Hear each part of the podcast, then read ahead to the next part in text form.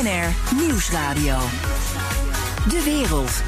Bernard Hammelburg. Welkom bij het beste binnenlandse programma over het buitenland. Straks, Amerika telt ruim 90.000 coronadoden. Donald Trump geeft elke week iemand anders de schuld, behalve zichzelf. Wat is zijn strategie? Dat bespreek ik met Amerikanist Koen Petersen. Maar nu eerst, de Wereldgezondheidsorganisatie, dat is een verwerpelijke marionet van China, vindt Donald Trump. I think they've done a very sad job in the last period of time. And again, the United States uh, pays them 450 million dollars a year. China pays them 38 million dollars a year, and they're a puppet of China. They're uh, China-centric, to put it nicer, but they're a puppet of China. Amerika trekt zijn steun aan de Wereldgezondheidsorganisatie in vanwege de invloed van China. En dus zegt China: stuur maar naar ons die rekening, dan zetten we er nog een fikse bonus op. Ik praat erover met Henk Schulte-Noordholt, sinoloog en schrijver van het boek China en de Barbaren. Dag Henk. Dag Bernard. Op de jaarvergadering van de Wereldgezondheidsorganisatie eisten de EU, Australië en het Verenigd Koninkrijk een onderzoek over het coronavirus. Dat, dat moest dus in China gebeuren. Toen zei president Xi best, maar dan via de Wereldgezondheidsorganisatie. En toen werd een resolutie aangenomen. Is dit de brave Xi die meedoet, of de sluwe Xi die iedereen te slim af is? Ik denk meer het laatste. Hij doet mee om de kracht van die, dat onderzoek, de vraag daarnaar te verzwakken. Want het onderzoek moet onafhankelijk, onpartijdig en alomvattend zijn. Nou ja, kijk, onpartijdig, dan ga je al steggelen over wie zit er in die commissie die gaat onderzoeken. Er veel Amerikanen zitten, kun je zeggen dat is niet onafhankelijk, niet onpartijdig. Als ze alleen China onderzoeken, kan je kunnen zeggen, ja, het is niet alomvattend. Dus daar zit je al allerlei middelen in, in die formulering van die resolutie, waarmee China dus een voordeel kan doen. En bovendien heeft Xi gezegd, ja, we gaan pas eigenlijk beginnen als dat coronavirus onder controle is gebracht. Nou, dan kunnen we even vanuit gaan dat het nog even duurt. Dat duurt nog even. Dus dat duurt nog even. Dus in, die zin, het is, de druk, het is wel interessant dat het aantekent dat de druk al heel groot werd. Niet alleen van, laten we zeggen, landen als Australië en Amerika, maar ook de hele wereld. Zij willen echt weten wat er aan de hand is. Dus ze zijn meegebogen. Zonder echte concessies te doen, is mijn inschatting. En typisch Chinees, daarnaast worden enorme beloftes in termen van geld gedaan. Ja, 2 miljard hè, hebben ze. Dus, dus, Ja. de- dus eh, Trump zegt, ja, die 400 miljoen die ik betaal, dat is een schande. En dan roept Xi onmiddellijk, nou, dan krijg je van mij 2 miljard. Zo- Nou, ik weet niet of het allemaal via het WHO wordt gekanaliseerd. Maar inderdaad is dat gebaar is, is groots. Maar hoe ze dat precies zijn uitgegeven en binnen welke termijn is onduidelijk. En of het waar ja, is, dat moeten we nog En of het waar is, ja. er wordt altijd heel veel, heel veel beloftes gedaan. Dat is makkelijk, maar echt Ja. toetst, dat wordt hetzelfde in de jaren daarna. Maar ze zetten natuurlijk als contrast ook, dat is ook de, de reden tegen het, het isolationistische Amerika en het ruimhartige China. Dat is natuurlijk eigenlijk de kern van die boodschap. Ja, oké, die spanningen lopen op tussen Amerika en China. Amerika dreigt niet alleen de onderhandelingen stop te zetten, eh, maar zelfs de betrekkingen te verbreken. Dat heeft eh, Trump van de week gezegd. En China zegt dan, ja, dan trekken wij een order in van, wat was het? Ik geloof 50 miljard aan sojabonen. Of we cancelen een order van 8100 Boeing-vliegtuigen. Die, die, die order die loopt tot 2034.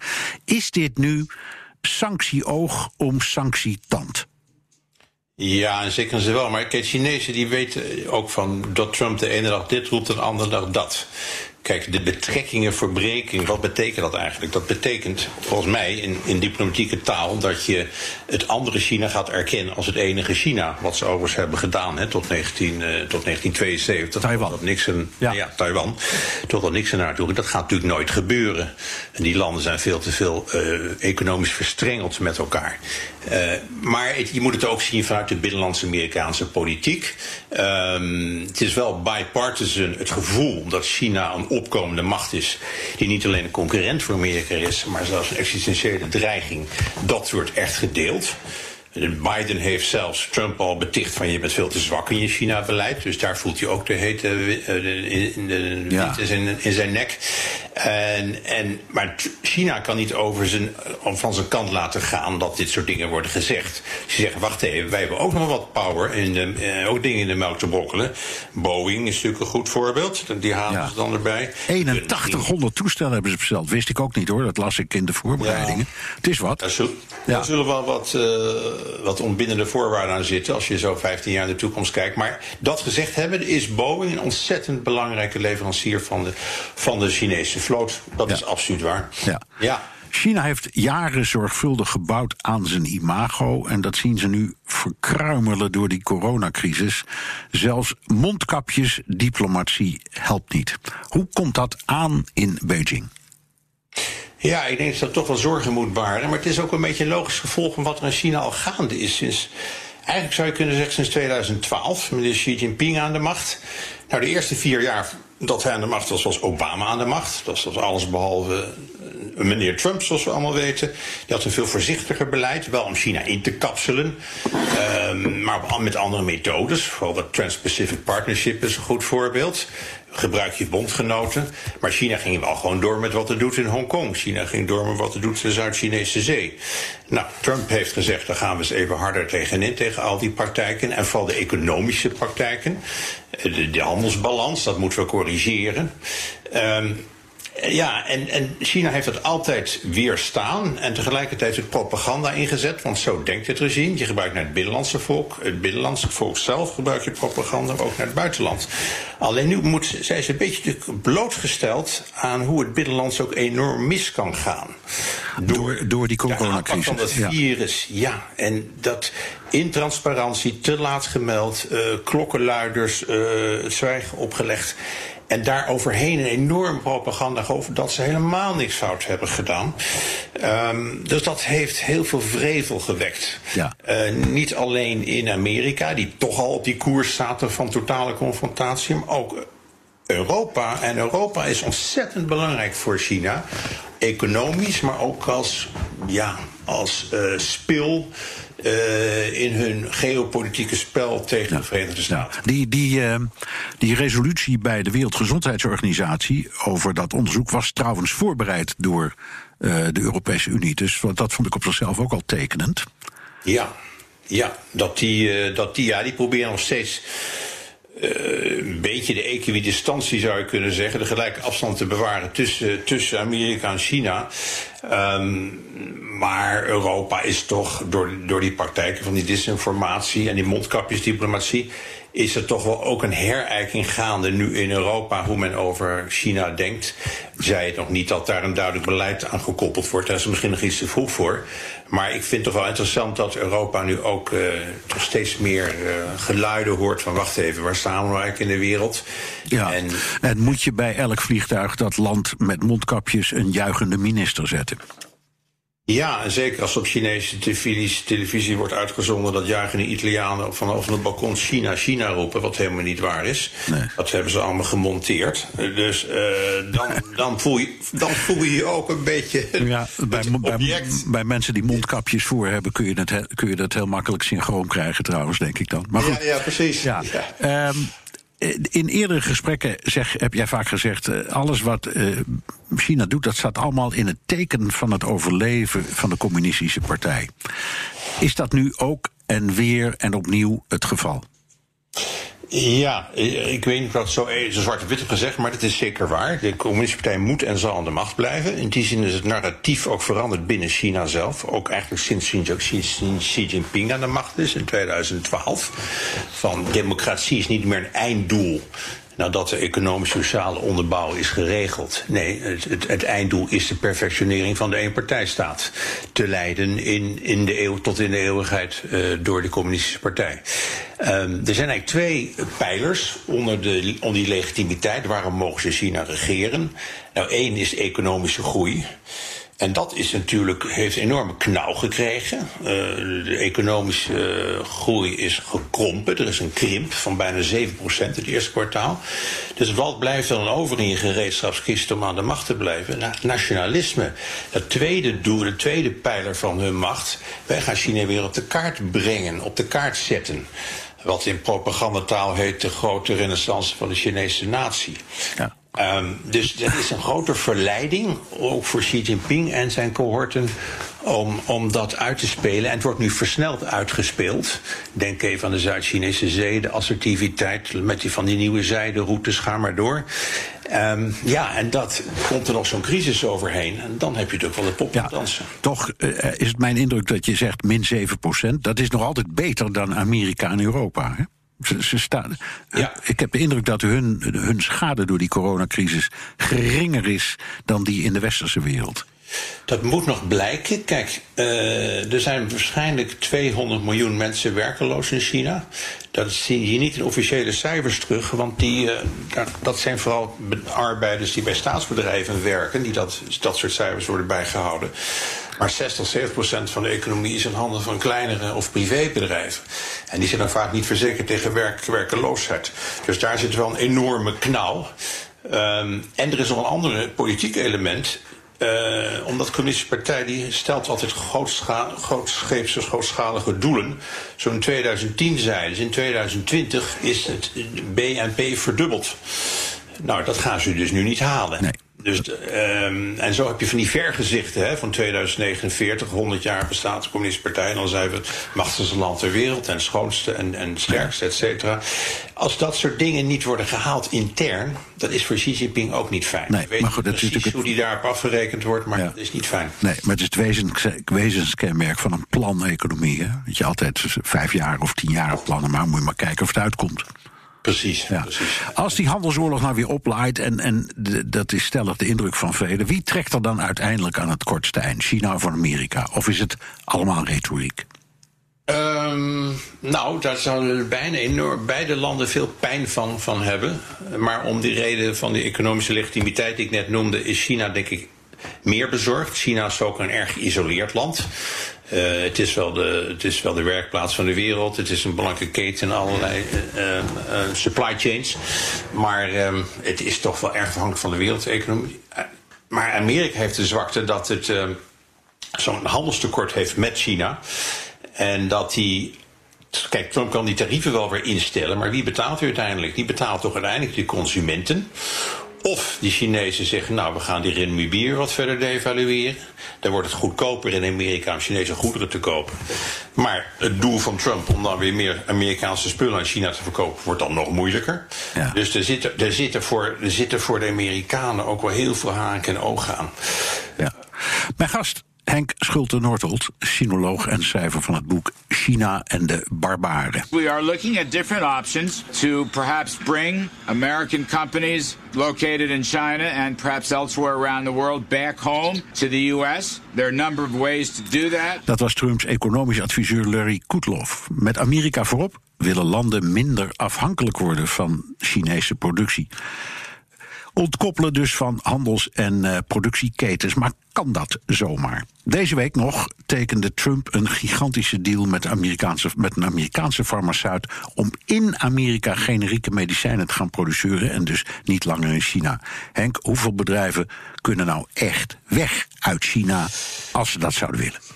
Ja, dat is uh, niet zo makkelijk. Kijk, uh, je moet, bedrijf is natuurlijk een breed begrip. Stel dat jij uh, laat maken of overhemden in China. En je denkt op een gegeven moment, ik heb er 10.000 mensen achter de naaimachine zitten. Maar het minimumloon in China is 350 dollar inmiddels. In Vietnam de helft. Ja, dan kan ik die fabriek wel overzetten. Um, maar als je meneer de baas bent van General Motors. Dan, dan uh, constateer je dat je in 2019 meer auto's in China hebt verkocht dan in Amerika omdat je daar al 20, 30 jaar bezig bent, helemaal in die Chinese uh, supply chains verbonden bent, die markt ontwikkeld hebt, geen tarieven hoeft te betalen om auto's uit Amerika naar China te halen, omdat je ze in China zelf maakt. En je hebt een gigantische binnenlandse markt met een hele goede infrastructuur. Dat hebben die Chinezen verdomd goed gedaan. Dus dat, kan, uh, dat kun je wel roepen. Um, maar het is voor niet voor heel veel bedrijven een hele interessante optie. Nee. Tenzij je natuurlijk zit in een pakket dat je afhankelijk bent nog steeds van Amerikaanse technologie, bijvoorbeeld voor chips. En dat je in Amerika moet of in China produceert. Ja, dan kan de, Chine kan de Amerikaanse overheid je de duimschroeven aandraaien. En dan zeg je, nou dan ga ik maar de zaak naar Amerika overhevelen. Reshoring. Ja. Maar ik, ik denk toch de meerderheid van de bedrijven is ontkoppelen. Ook vanwege die, die reden die ik noemde. Kosten, maar ook een hele goede infrastructuur en afzet op de Chinese markt. Niet zo makkelijk nee, nee, maar goed, dan heb je het over hele grote bedrijven. Ik bedoel, Unilever heeft ook over de hele wereld, denk ik ook in China, fabrieken neergezet om diezelfde reden. Ja. En AXO heeft dat gedaan, andere bedrijven ook. Um, maar nou ietsje kleiner. Uh, uh, vorige week zat iemand van Intratuin bij BNR in de uitzending. En die zei: misschien kunnen we kerstspulletjes wel in Polen gaan maken in plaats van in China. Ja. Ja, dus wat, wat zou nou het effect zijn op de Chinese economie als dat soort dingen een trend wordt? Dan praat je niet over die megabedrijven, nee, maar over de wat kleinere. Ja, dat is een goede vraag. Ik denk dat als ze dat 20 jaar geleden gedaan hadden, dat China veel meer pijn had geleden. Want China heeft heel bewust uh, een beleid ingezet, al 20, 30 jaar geleden, om op te klimmen in die waardeketen. Eigen technologie te ontwikkelen, eigen, eigen merken op de wereldmarkt te verspreiden. Kijk, wie had er tien jaar geleden nog van Huawei gehoord? Niemand. Nu, uh, nu wel. Dus vandaar ook die, die minimumloon waar ik net over had. Hè, die moeten daarom ook omhoog. Er moet meer, er moet meer worden omgezet per hoofd van bevolking. Productiviteit moet er hoog. En daar zijn ze toch van een groot deel in geslaagd. Dus dat dat soort bedrijven kerstbal in Polen gaat produceren. Of wat ik net zei, die spijkerbroeken, dat die niet in Shanghai maar in Vietnam worden geproduceerd. Dat is denkelijk onvermijdelijk. Maar daar ligt de Chinese regering niet zo wakker van. Nee. Uh, nou ja, maar omdat je zei. Um, in China is toch heel veel midden- en kleinbedrijf. Dat ja. geldt eigenlijk voor de westerse wereld ook. Dus als het midden- en kleinbedrijf massaal dit soort bewegingen gaat maken, ja, dan zullen ze dat toch voelen, neem ik aan. Daar heb je gelijk in. Um, ik denk dat het ook kerstballen weet ik niet alles van. Maar het ligt eraan hoe lang heb je een relatie met zo'n supplier opgebouwd in China. Ja. Uh, als die duizend kilometer ver van Shanghai zit, wat misschien wenselijk is omdat die lonen daar veel lager zijn, uh, dan moet je wel een goede spoorwegverbinding naar de haven hebben. Um, ik noem maar wat factoren. Er zijn allerlei dingen die ja. natuurlijk meespelen, um, die die afweging uh, uh, belangrijk maken. Oké, okay. het, het, brengt ons op een goed punt. De oorsprong van alles wat er gebeurt, kun je zeggen, met het produceren daar, is het idee van lage lonenlanden. Ja. Zo is in Twente ooit de textielindustrie verdwenen. Omdat ja. je goedkoper kon produceren in Italië of in Polen en later in China. Um, dus heel veel productie wordt uitbesteed aan China, Thailand, Indonesië, Vietnam, noem allemaal maar op. Dat haal je dan toch niet meer terug naar Virginia of Groningen. Nee, dat niet. Dat ben ik helemaal je eens. Maar uh, wat ik net zei, het ging, dan, dan denk je alleen in termen van welk land neem ik als productiebasis, dan haal het vandaar weer terug naar mijn eigen markten. En dat is zeker zo. Uh, met som, sommige spullen, maar, of sommige bedrijven, maar andere, zoals de General Motors voorbeeld wat ik gaf, die hebben natuurlijk een enorme Chinese markt ontwikkeld. Ja. Ook luxe, luxe artikelen. Dat, dat is ook dat dubbele, uh, dubbele aantrekkingskracht van China. En dat was 20, 30 jaar geleden ook al. Dus sprak ik ook met die grote bedrijven. Die zeiden, ja, uh, wij zitten er nu in die export producing zones, want dan krijgen we interessante tarieven en dan uh, geschoolde arbeid en dan haalt het allemaal terug naar Europa. Maar let op, binnen vijf 10, 15 jaar gaat hier een enorme binnenlandse markt ontstaan. Ja. Met koopkrachtige middenklasse. En dan zitten wij in de buurt om die, om die klanten te bedienen. Ja. En dat is precies wat er gebeurd is. Ja, um, maar er was op zichzelf aan het principe, laten we zeggen, dat in het Westen is ontstaan van het zoeken naar goedkope lonenlanden niks mis. Nee. Toch? Nee. Dus nee, het is, we betalen in feite een beetje de prijs voor wat we zelf hebben gedaan. Wij zijn daar goedkoop gaan produceren. Zij hebben het zich heel snel ontwikkeld. Ja, en nu zeggen ze, nu zijn we zelf een grote macht en daar zul je een prijs voor moeten betalen. Nou, het gaat zelfs nog verder, denk ik. Uh, ze hebben strategisch ook heel slim aangepakt. Kijk, het cruciale jaar was 2001. Dat was de toetreding van China tot de Wereldhandelsorganisatie. Toen heeft China gezegd: oké, uh, het Westen is daarmee ingestemd. Uh, wij gaan binnenlands hervormen. Uh, ook, ik bedoel ook um, economisch hervormen. We gaan overheidsaanbestedingen zorgen dat jullie daar aan mee mogen doen. Prijsafspraken verdwijnen, diensten worden opengezet, et cetera. Geef ons even de tijd. In die tussentijd mogen wij naar Europa produceren. Nou, de ene kant van de deal, namelijk dat zij zonder tarieven et cetera naar Europa mogen produceren in Amerika, dat is uitgekomen. Daardoor hebben ze zich enorm verrijkt met buitenlandse valuta. De andere kant van de medaille, dat wij makkelijk die Chinese markt op konden, dat is eigenlijk niet nagekomen, of grotendeels niet nagekomen. Nee. Ongeveer 60 tot 70 procent van die afspraken niet. Dus dat hebben ze gesaboteerd. Dat hebben ze, ja, gesaboteerd. Afspraken maken, belofte doen is makkelijk. Het is ook de, weers, weerspannigheid van die grote Chinese markt, grote bureaucratie. Maar er zit ook een overheidsplan achter. Want al die, die, die van buitenlandse valuta die die Chinese exporterende bedrijven verdiend hebben, die, die mogen ze niet op een balans zetten. Die moeten ze zeg maar inruilen tegen rumibis.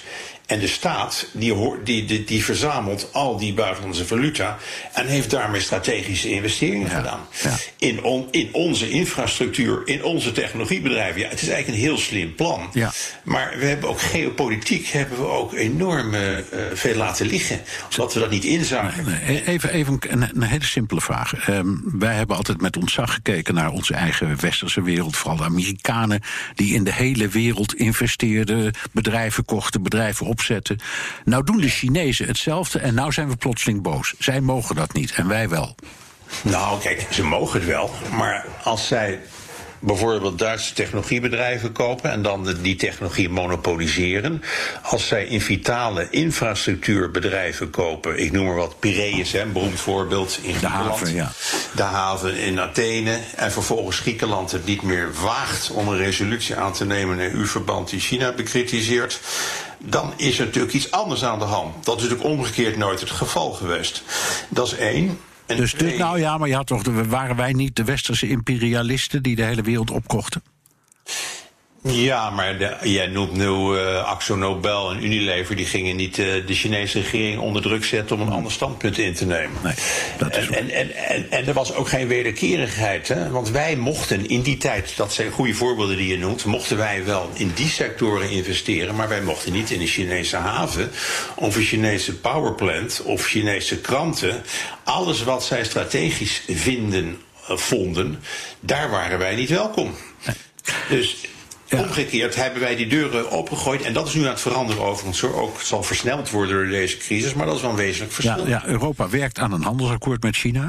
Ehm, Ja, wat gaat ja. er veranderen? Of komt dit er allemaal in te staan? Laat ik het zo zeggen. Nou, als het er komt, hè, gezien het huidige klimaat en, en, en de, ja, toch de, de verharding of de andere kijk op China die nu gaande is. Want, want Europa zal niet graag een akkoord willen sluiten dat een beetje boter nog vis is. Ze willen wel zeggen, ja, we willen wel onze westerse normen voor het gebied van, eh, van werkomstandigheden, van standaarden, et cetera, van overheidssubsidies. Dat willen we allemaal in zo'n akkoord hebben. Nou, ik zie niet goed in dat de Chinezen daarin echt mee kunnen gaan. eh, zonder hun eigen economische model op de schop te gooien.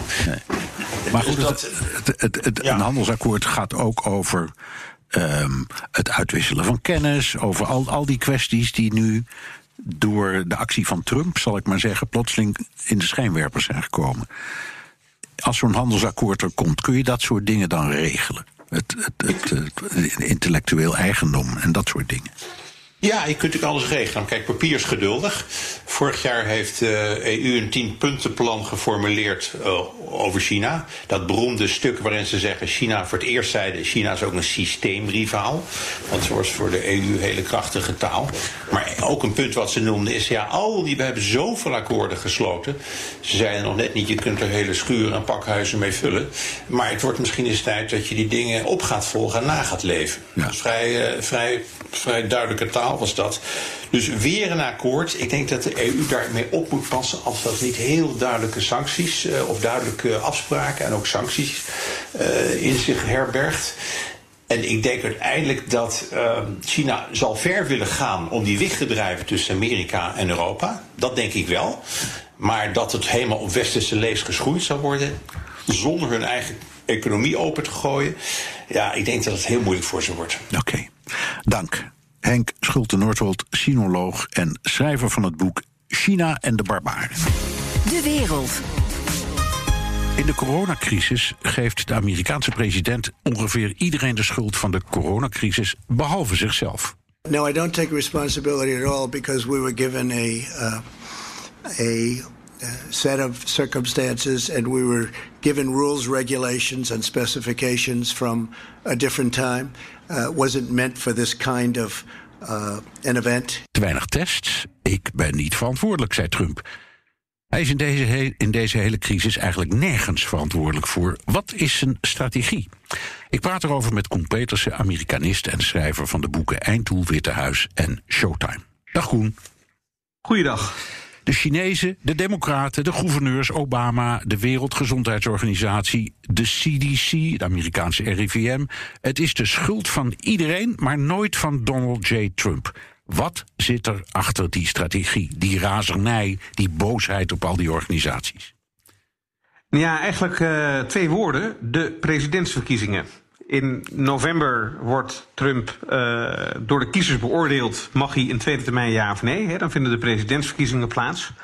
En Trump ligt zwaar onder vuur vanwege de aanpak van de coronacrisis. Uh, vooral ook in de media en het publieke debat. En wat Trump nastreeft is anderen de schuld te geven, zodat hij kan zeggen: zij doen alles verkeerd, maar daarbinnen doe ik nog heel veel goed. Dus alles wat goed gaat, komt door mij. En alles dat niet goed gaat, dat komt door anderen. En daarmee maakt hij de kiezers een uh, makkelijke keus. Ja, is dat zo? Ma maak je daarmee een makkelijke keus? Nou ja, het is natuurlijk wel complex. Dat, dat, nou, dan zouden we eigenlijk ook even, heel even dan over de, over de onderwerpen. Je kunt, je kunt zeggen het ligt aan de democraten of de gouverneurs. Maar als je zegt het ligt, ligt aan de Wereldgezondheidsorganisatie... of zelfs aan het Amerikaanse equivalent van het RIVM... ja, dan ga je toch wel heel ver.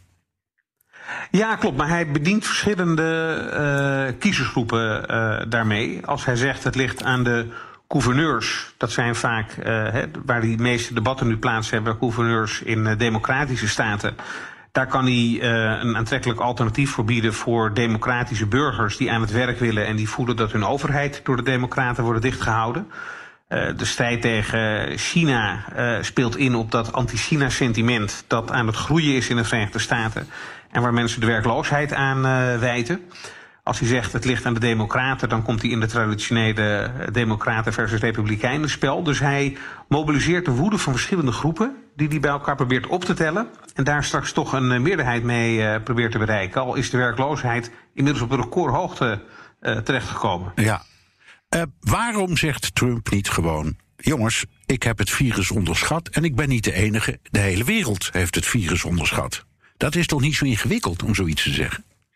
Nou ja, het is voor jou en mij misschien niet, maar voor iemand die nooit excuses aanbiedt, nooit zegt dat hij iets verkeerd heeft gedaan, zit dat uh, niet in de bedrading. Je zag ook in de campagne van 2016, toen groot Amerika eigenlijk een nog veel breder beeld kreeg van Trump in die, uh, in die campagne, dat uh, alles waar hij op werd aangevallen, daar nam hij nooit zijn woorden voor terug, bood hij nooit excuses voor aan. Wat Trump later wel deed, was met een hele andere boodschap de campagne ingaan. En vervolgens ontkennen dat de foute uitspraak die hij had gedaan, dat hij die ooit heeft gezegd. Dus met de coronasituatie zag je ook in het begin, het is een klein griepje. En nu had hij al voorzien dat het een pandemie zou worden. Hij komt niet meer op zijn oude uitspraak terug. Hij neemt een nieuwe positie in en ontkent dan desgewenst en desgevraagd dat hij de oude positie ooit heeft ingenomen. En dat is wat je nu ook weer heel duidelijk terugziet. Het is bij hem echt een patroon. Ja, en het is ook iets waarvan hij zegt: um, het komt allemaal onder mijn leiding weer goed. Nou, kijk je dan naar de cijfers: 90.000 mensen overleden, meer dan 90.000 in Amerika. Dat is een derde van het totale aantal doden in de hele wereld. Terwijl er maar 320 ja. miljoen mensen wonen in Amerika. Um, anderhalf miljoen mensen hebben het virus. Dat klinkt nou niet echt alsof het virus kracht aan kracht vermindert. Nee, en je ziet dus dat dat uh, één beweging is. Uh, de cijfers uh, groeien nog steeds, maar tegelijkertijd groeit ook de werkloosheid en groeit de, het, het gevoel van, van onrust onder de bevolking.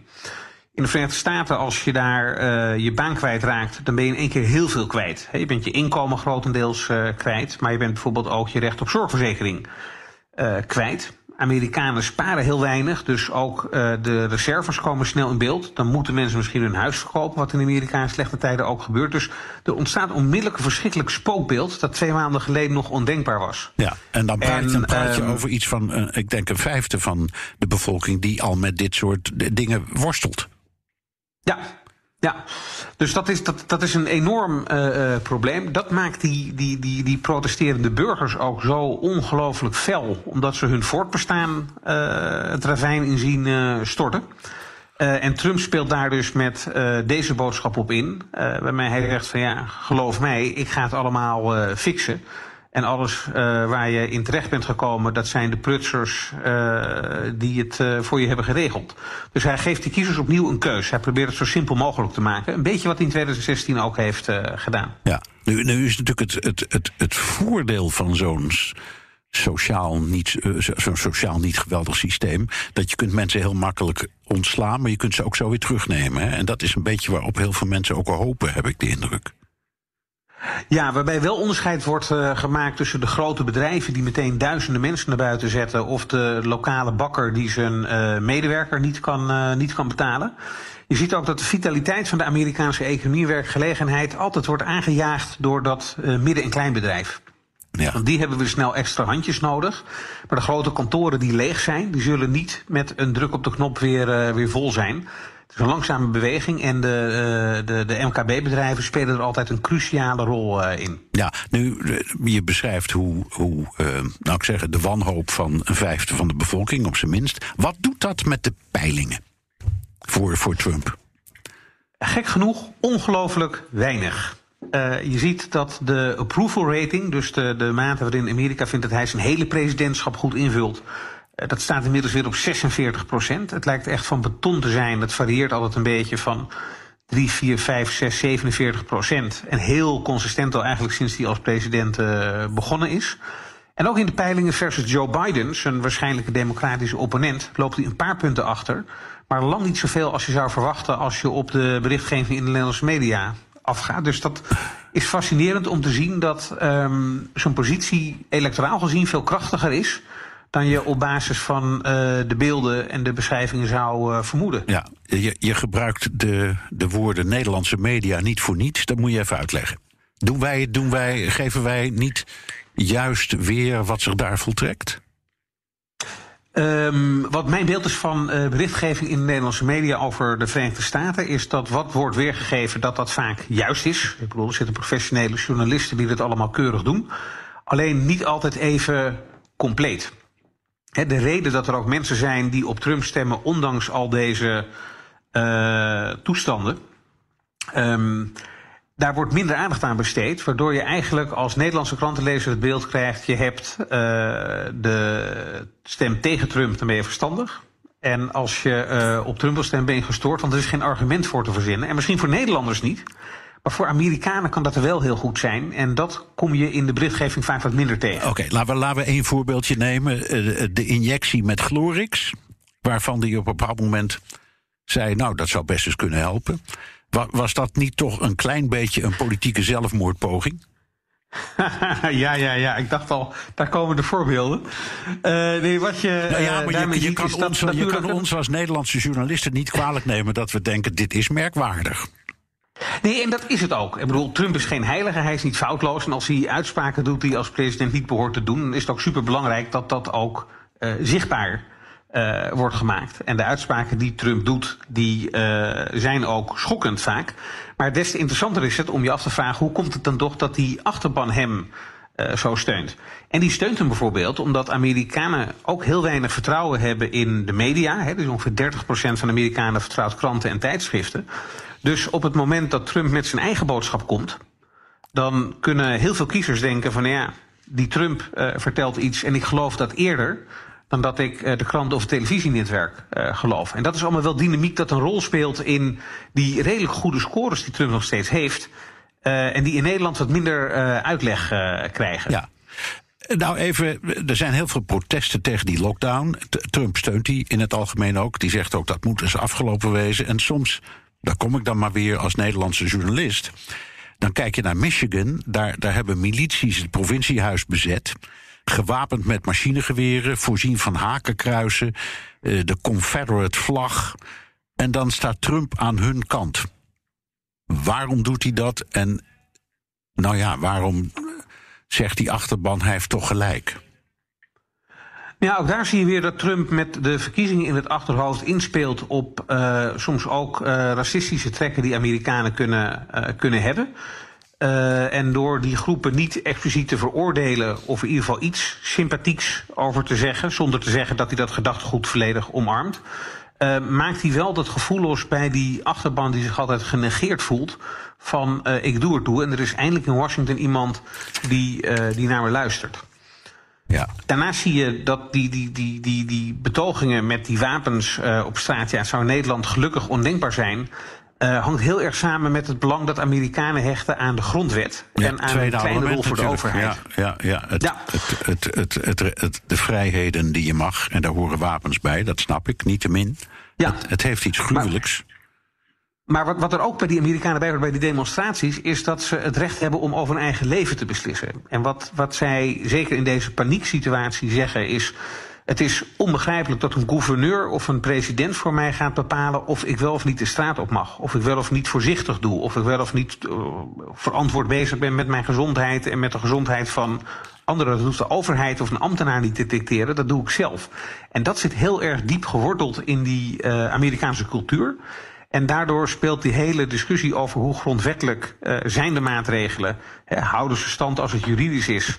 En kunnen we ook nog die argumenten kracht bijzetten door bijvoorbeeld wapens heel zichtbaar te dragen in staten waar dat mag? Is wel onderdeel van dat burgerprotest tegen een overheid die zich bemoeit met zaken waarvan burgers zeggen dat doen wij liever zelf. Nee, en dan de hele kwestie met China. Hij gaat een keer tegen de Wereldgezondheidsorganisatie, want die eten uit de hand van China.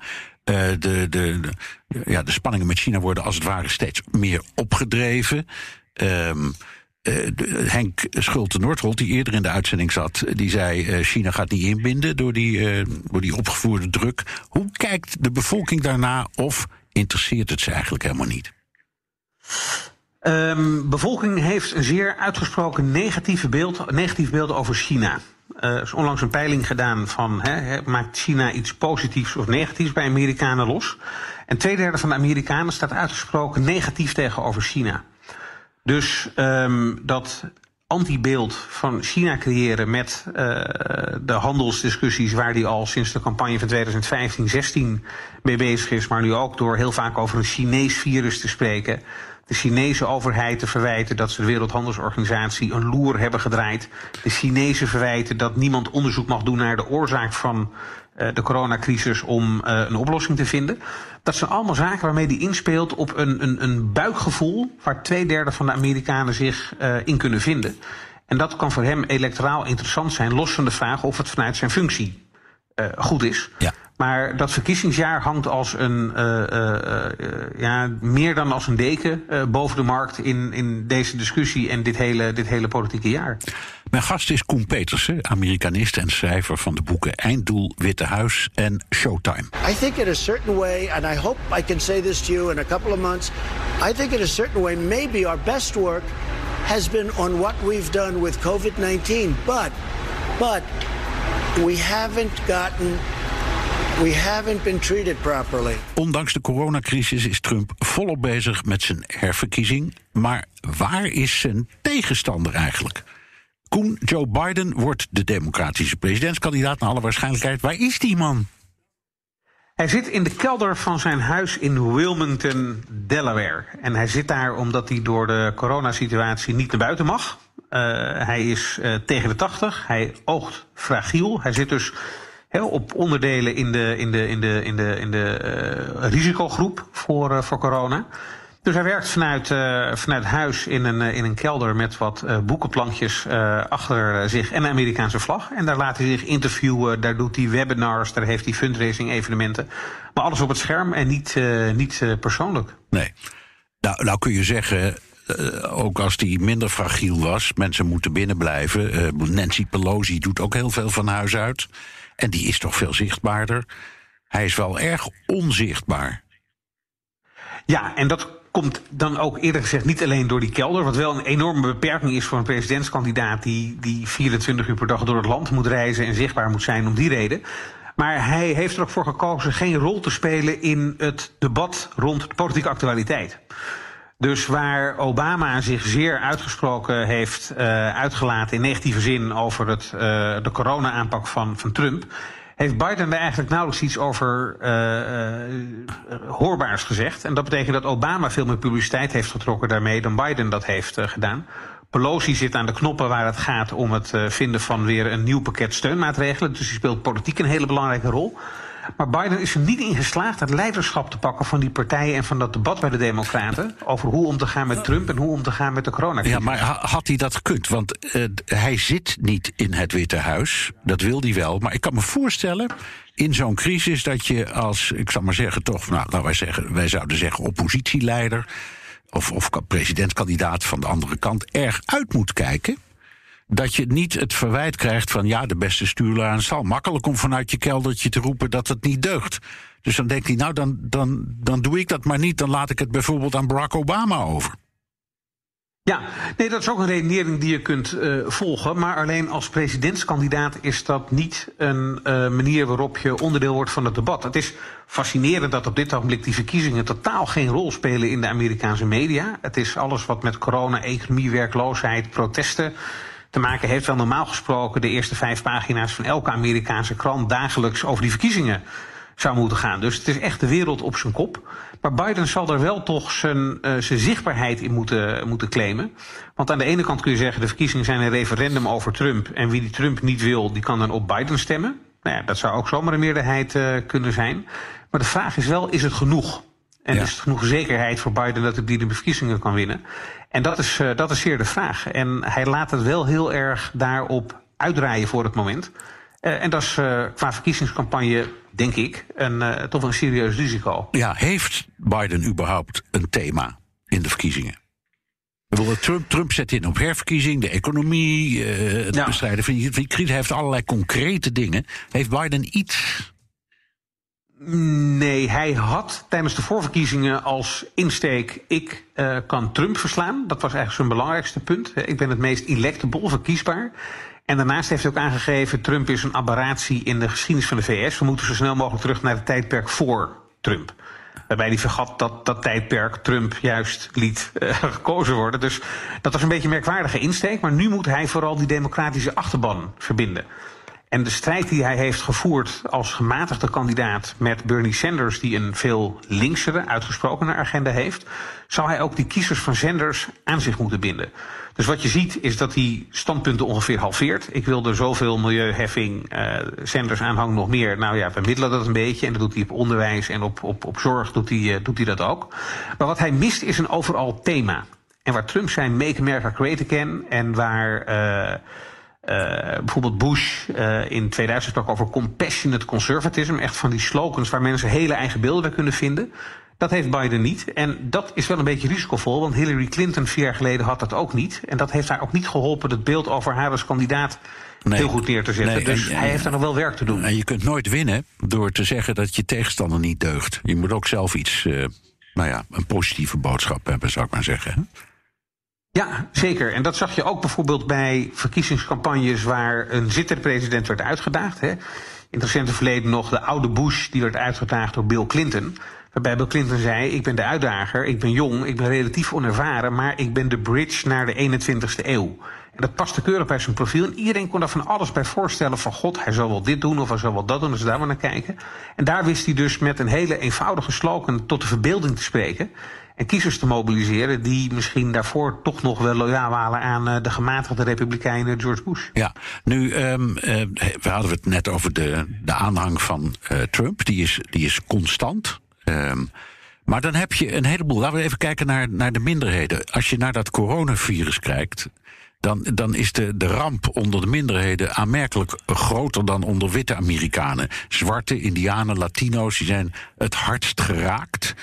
Dat, ja. zijn, dat zijn in het algemeen ook vaak de thuisblijvers in de verkiezingen. En dat is dus ook een kans voor Joe Biden. Hoe zie jij dat? Ja, als je kijkt door de bank genomen naar die groepen, stemmen ze liever voor een democraat of een republikein, dan hebben de democraten zwaar uh, de overhand. Dus dat is een enorm uh, potentieel voor uh, een democratische kandidaat, voor welke functie ook.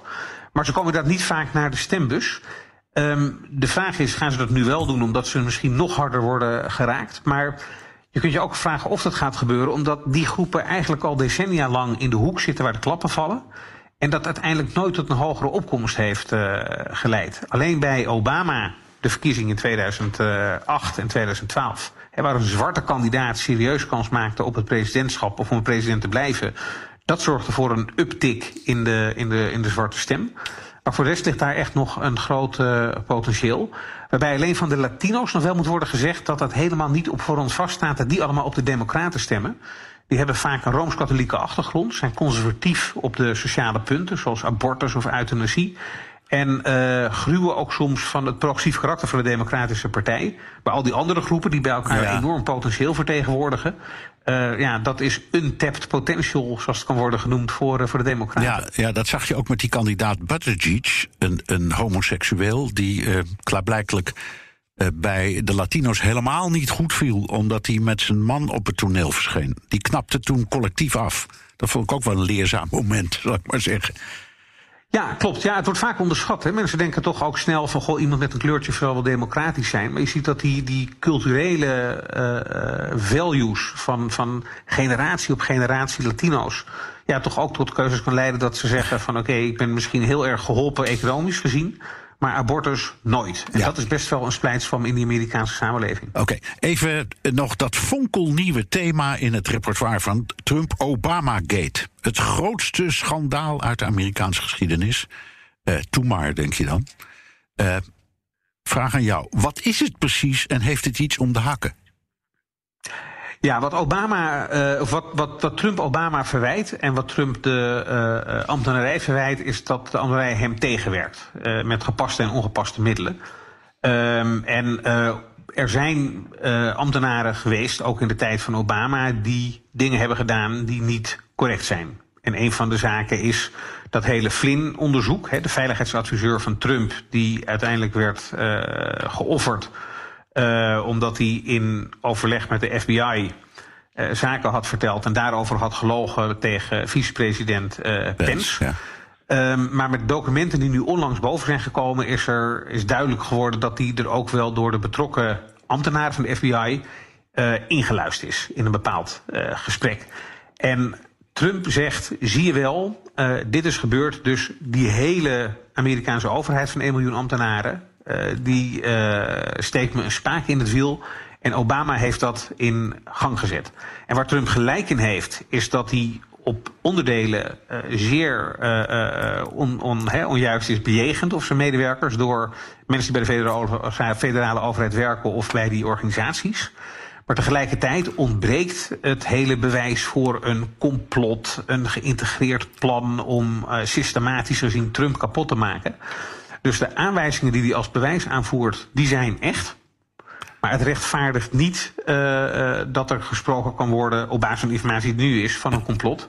Maar omdat hij die bewijzen wel heeft, kunnen heel veel kiezers wel denken: ja, waar rook is, is vuur. Ja. En het eerste bewijs ligt al op tafel. Ja, het klinkt lekker, hè? Obamagate. Even nog één dingetje. We hadden het al over. Trump heeft zijn eigen achterban. Ik, ik zag ook een hele interessante reportage uit Greenwich, Connecticut. Dat, dat is de rijkste gemeente van Amerika compleet republikeins. En er waren allerlei interviews gedaan. Uh, en, dat, en, en, met de vraag waarom ben je nou pro-Trump, pro-republikeins? Die hadden maar één antwoord: regeldruk. Trump is onze held, want hij is tegen regels. Is, zijn dit ja. soort dingen bij elkaar nu genoeg om Biden te verslaan? Want het gaat dus niet alleen maar om die mensen met die rode maga-petjes, maar ook om een hele andere groep. Ja, klopt. Die groep wordt hè, die executive class genoemd. Dus echt mensen die hoge managerial functies hebben en daardoor ook in die mooie omgeving kunnen, uh, kunnen wonen. Die regeldruk heeft Trump enorm uh, verlaagd. En dat is ook een van de katalysatoren geweest van die enorme banengroei die hij heeft gerealiseerd in de eerste drie jaar van zijn presidentschap. Dus daar hebben ze een punt. En dat sluit ook een heel klein beetje aan bij hoe Trump die verkiezingen in wil. Want hij kan natuurlijk roepen dat alle andere mensen niet deugen en dat hij allerlei gevaren bestrijdt. En dat is belangrijk. Maar uiteindelijk blijft die economie opnieuw een ongelooflijk thema worden, omdat straks een kwart van de Amerikanen werkloos thuis zit. En de pitch die Trump nu maakt is: geef mij een economische puinhoop en geef mij de kans als de puinhoop voorbij is, dat ik er weer iets moois van kan maken. Dat heb ik gedaan na mijn verkiezing in 2016. Ik heb laten zien dat ik dat kan vanuit het Witte Huis. En ik ga het opnieuw doen. En die beperking van die regeldruk, de verlaging van de belastingen uh, en uh, het laten oplopen van de staatsschuld waren wel belangrijke componenten die die banengroei ook heeft versneld, die onder Obama al was ingezet. Dus dat sluit heel erg aan bij een hele belangrijke pitch die Trump gaat maken. Wie vertrouw je het meest om weer banen uit de hoge hoed te toveren? Ja. Biden, die in zijn kelder zit en altijd naar de overheid kijkt voor oplossingen? Of kijk je naar mij, die heeft laten zien dat ik het gewoon kan in deze functie? Ja. Dank. Koen Petersen, Amerikanist en schrijver van de boeken Einddoel Witte Huis en Showtime. En tot zover BNR De Wereld. Terugluisteren kan via de site, de app, Spotify en Apple Podcast. Reageren kan via een mailtje naar dewereld.bnr.nl. Tot volgende week.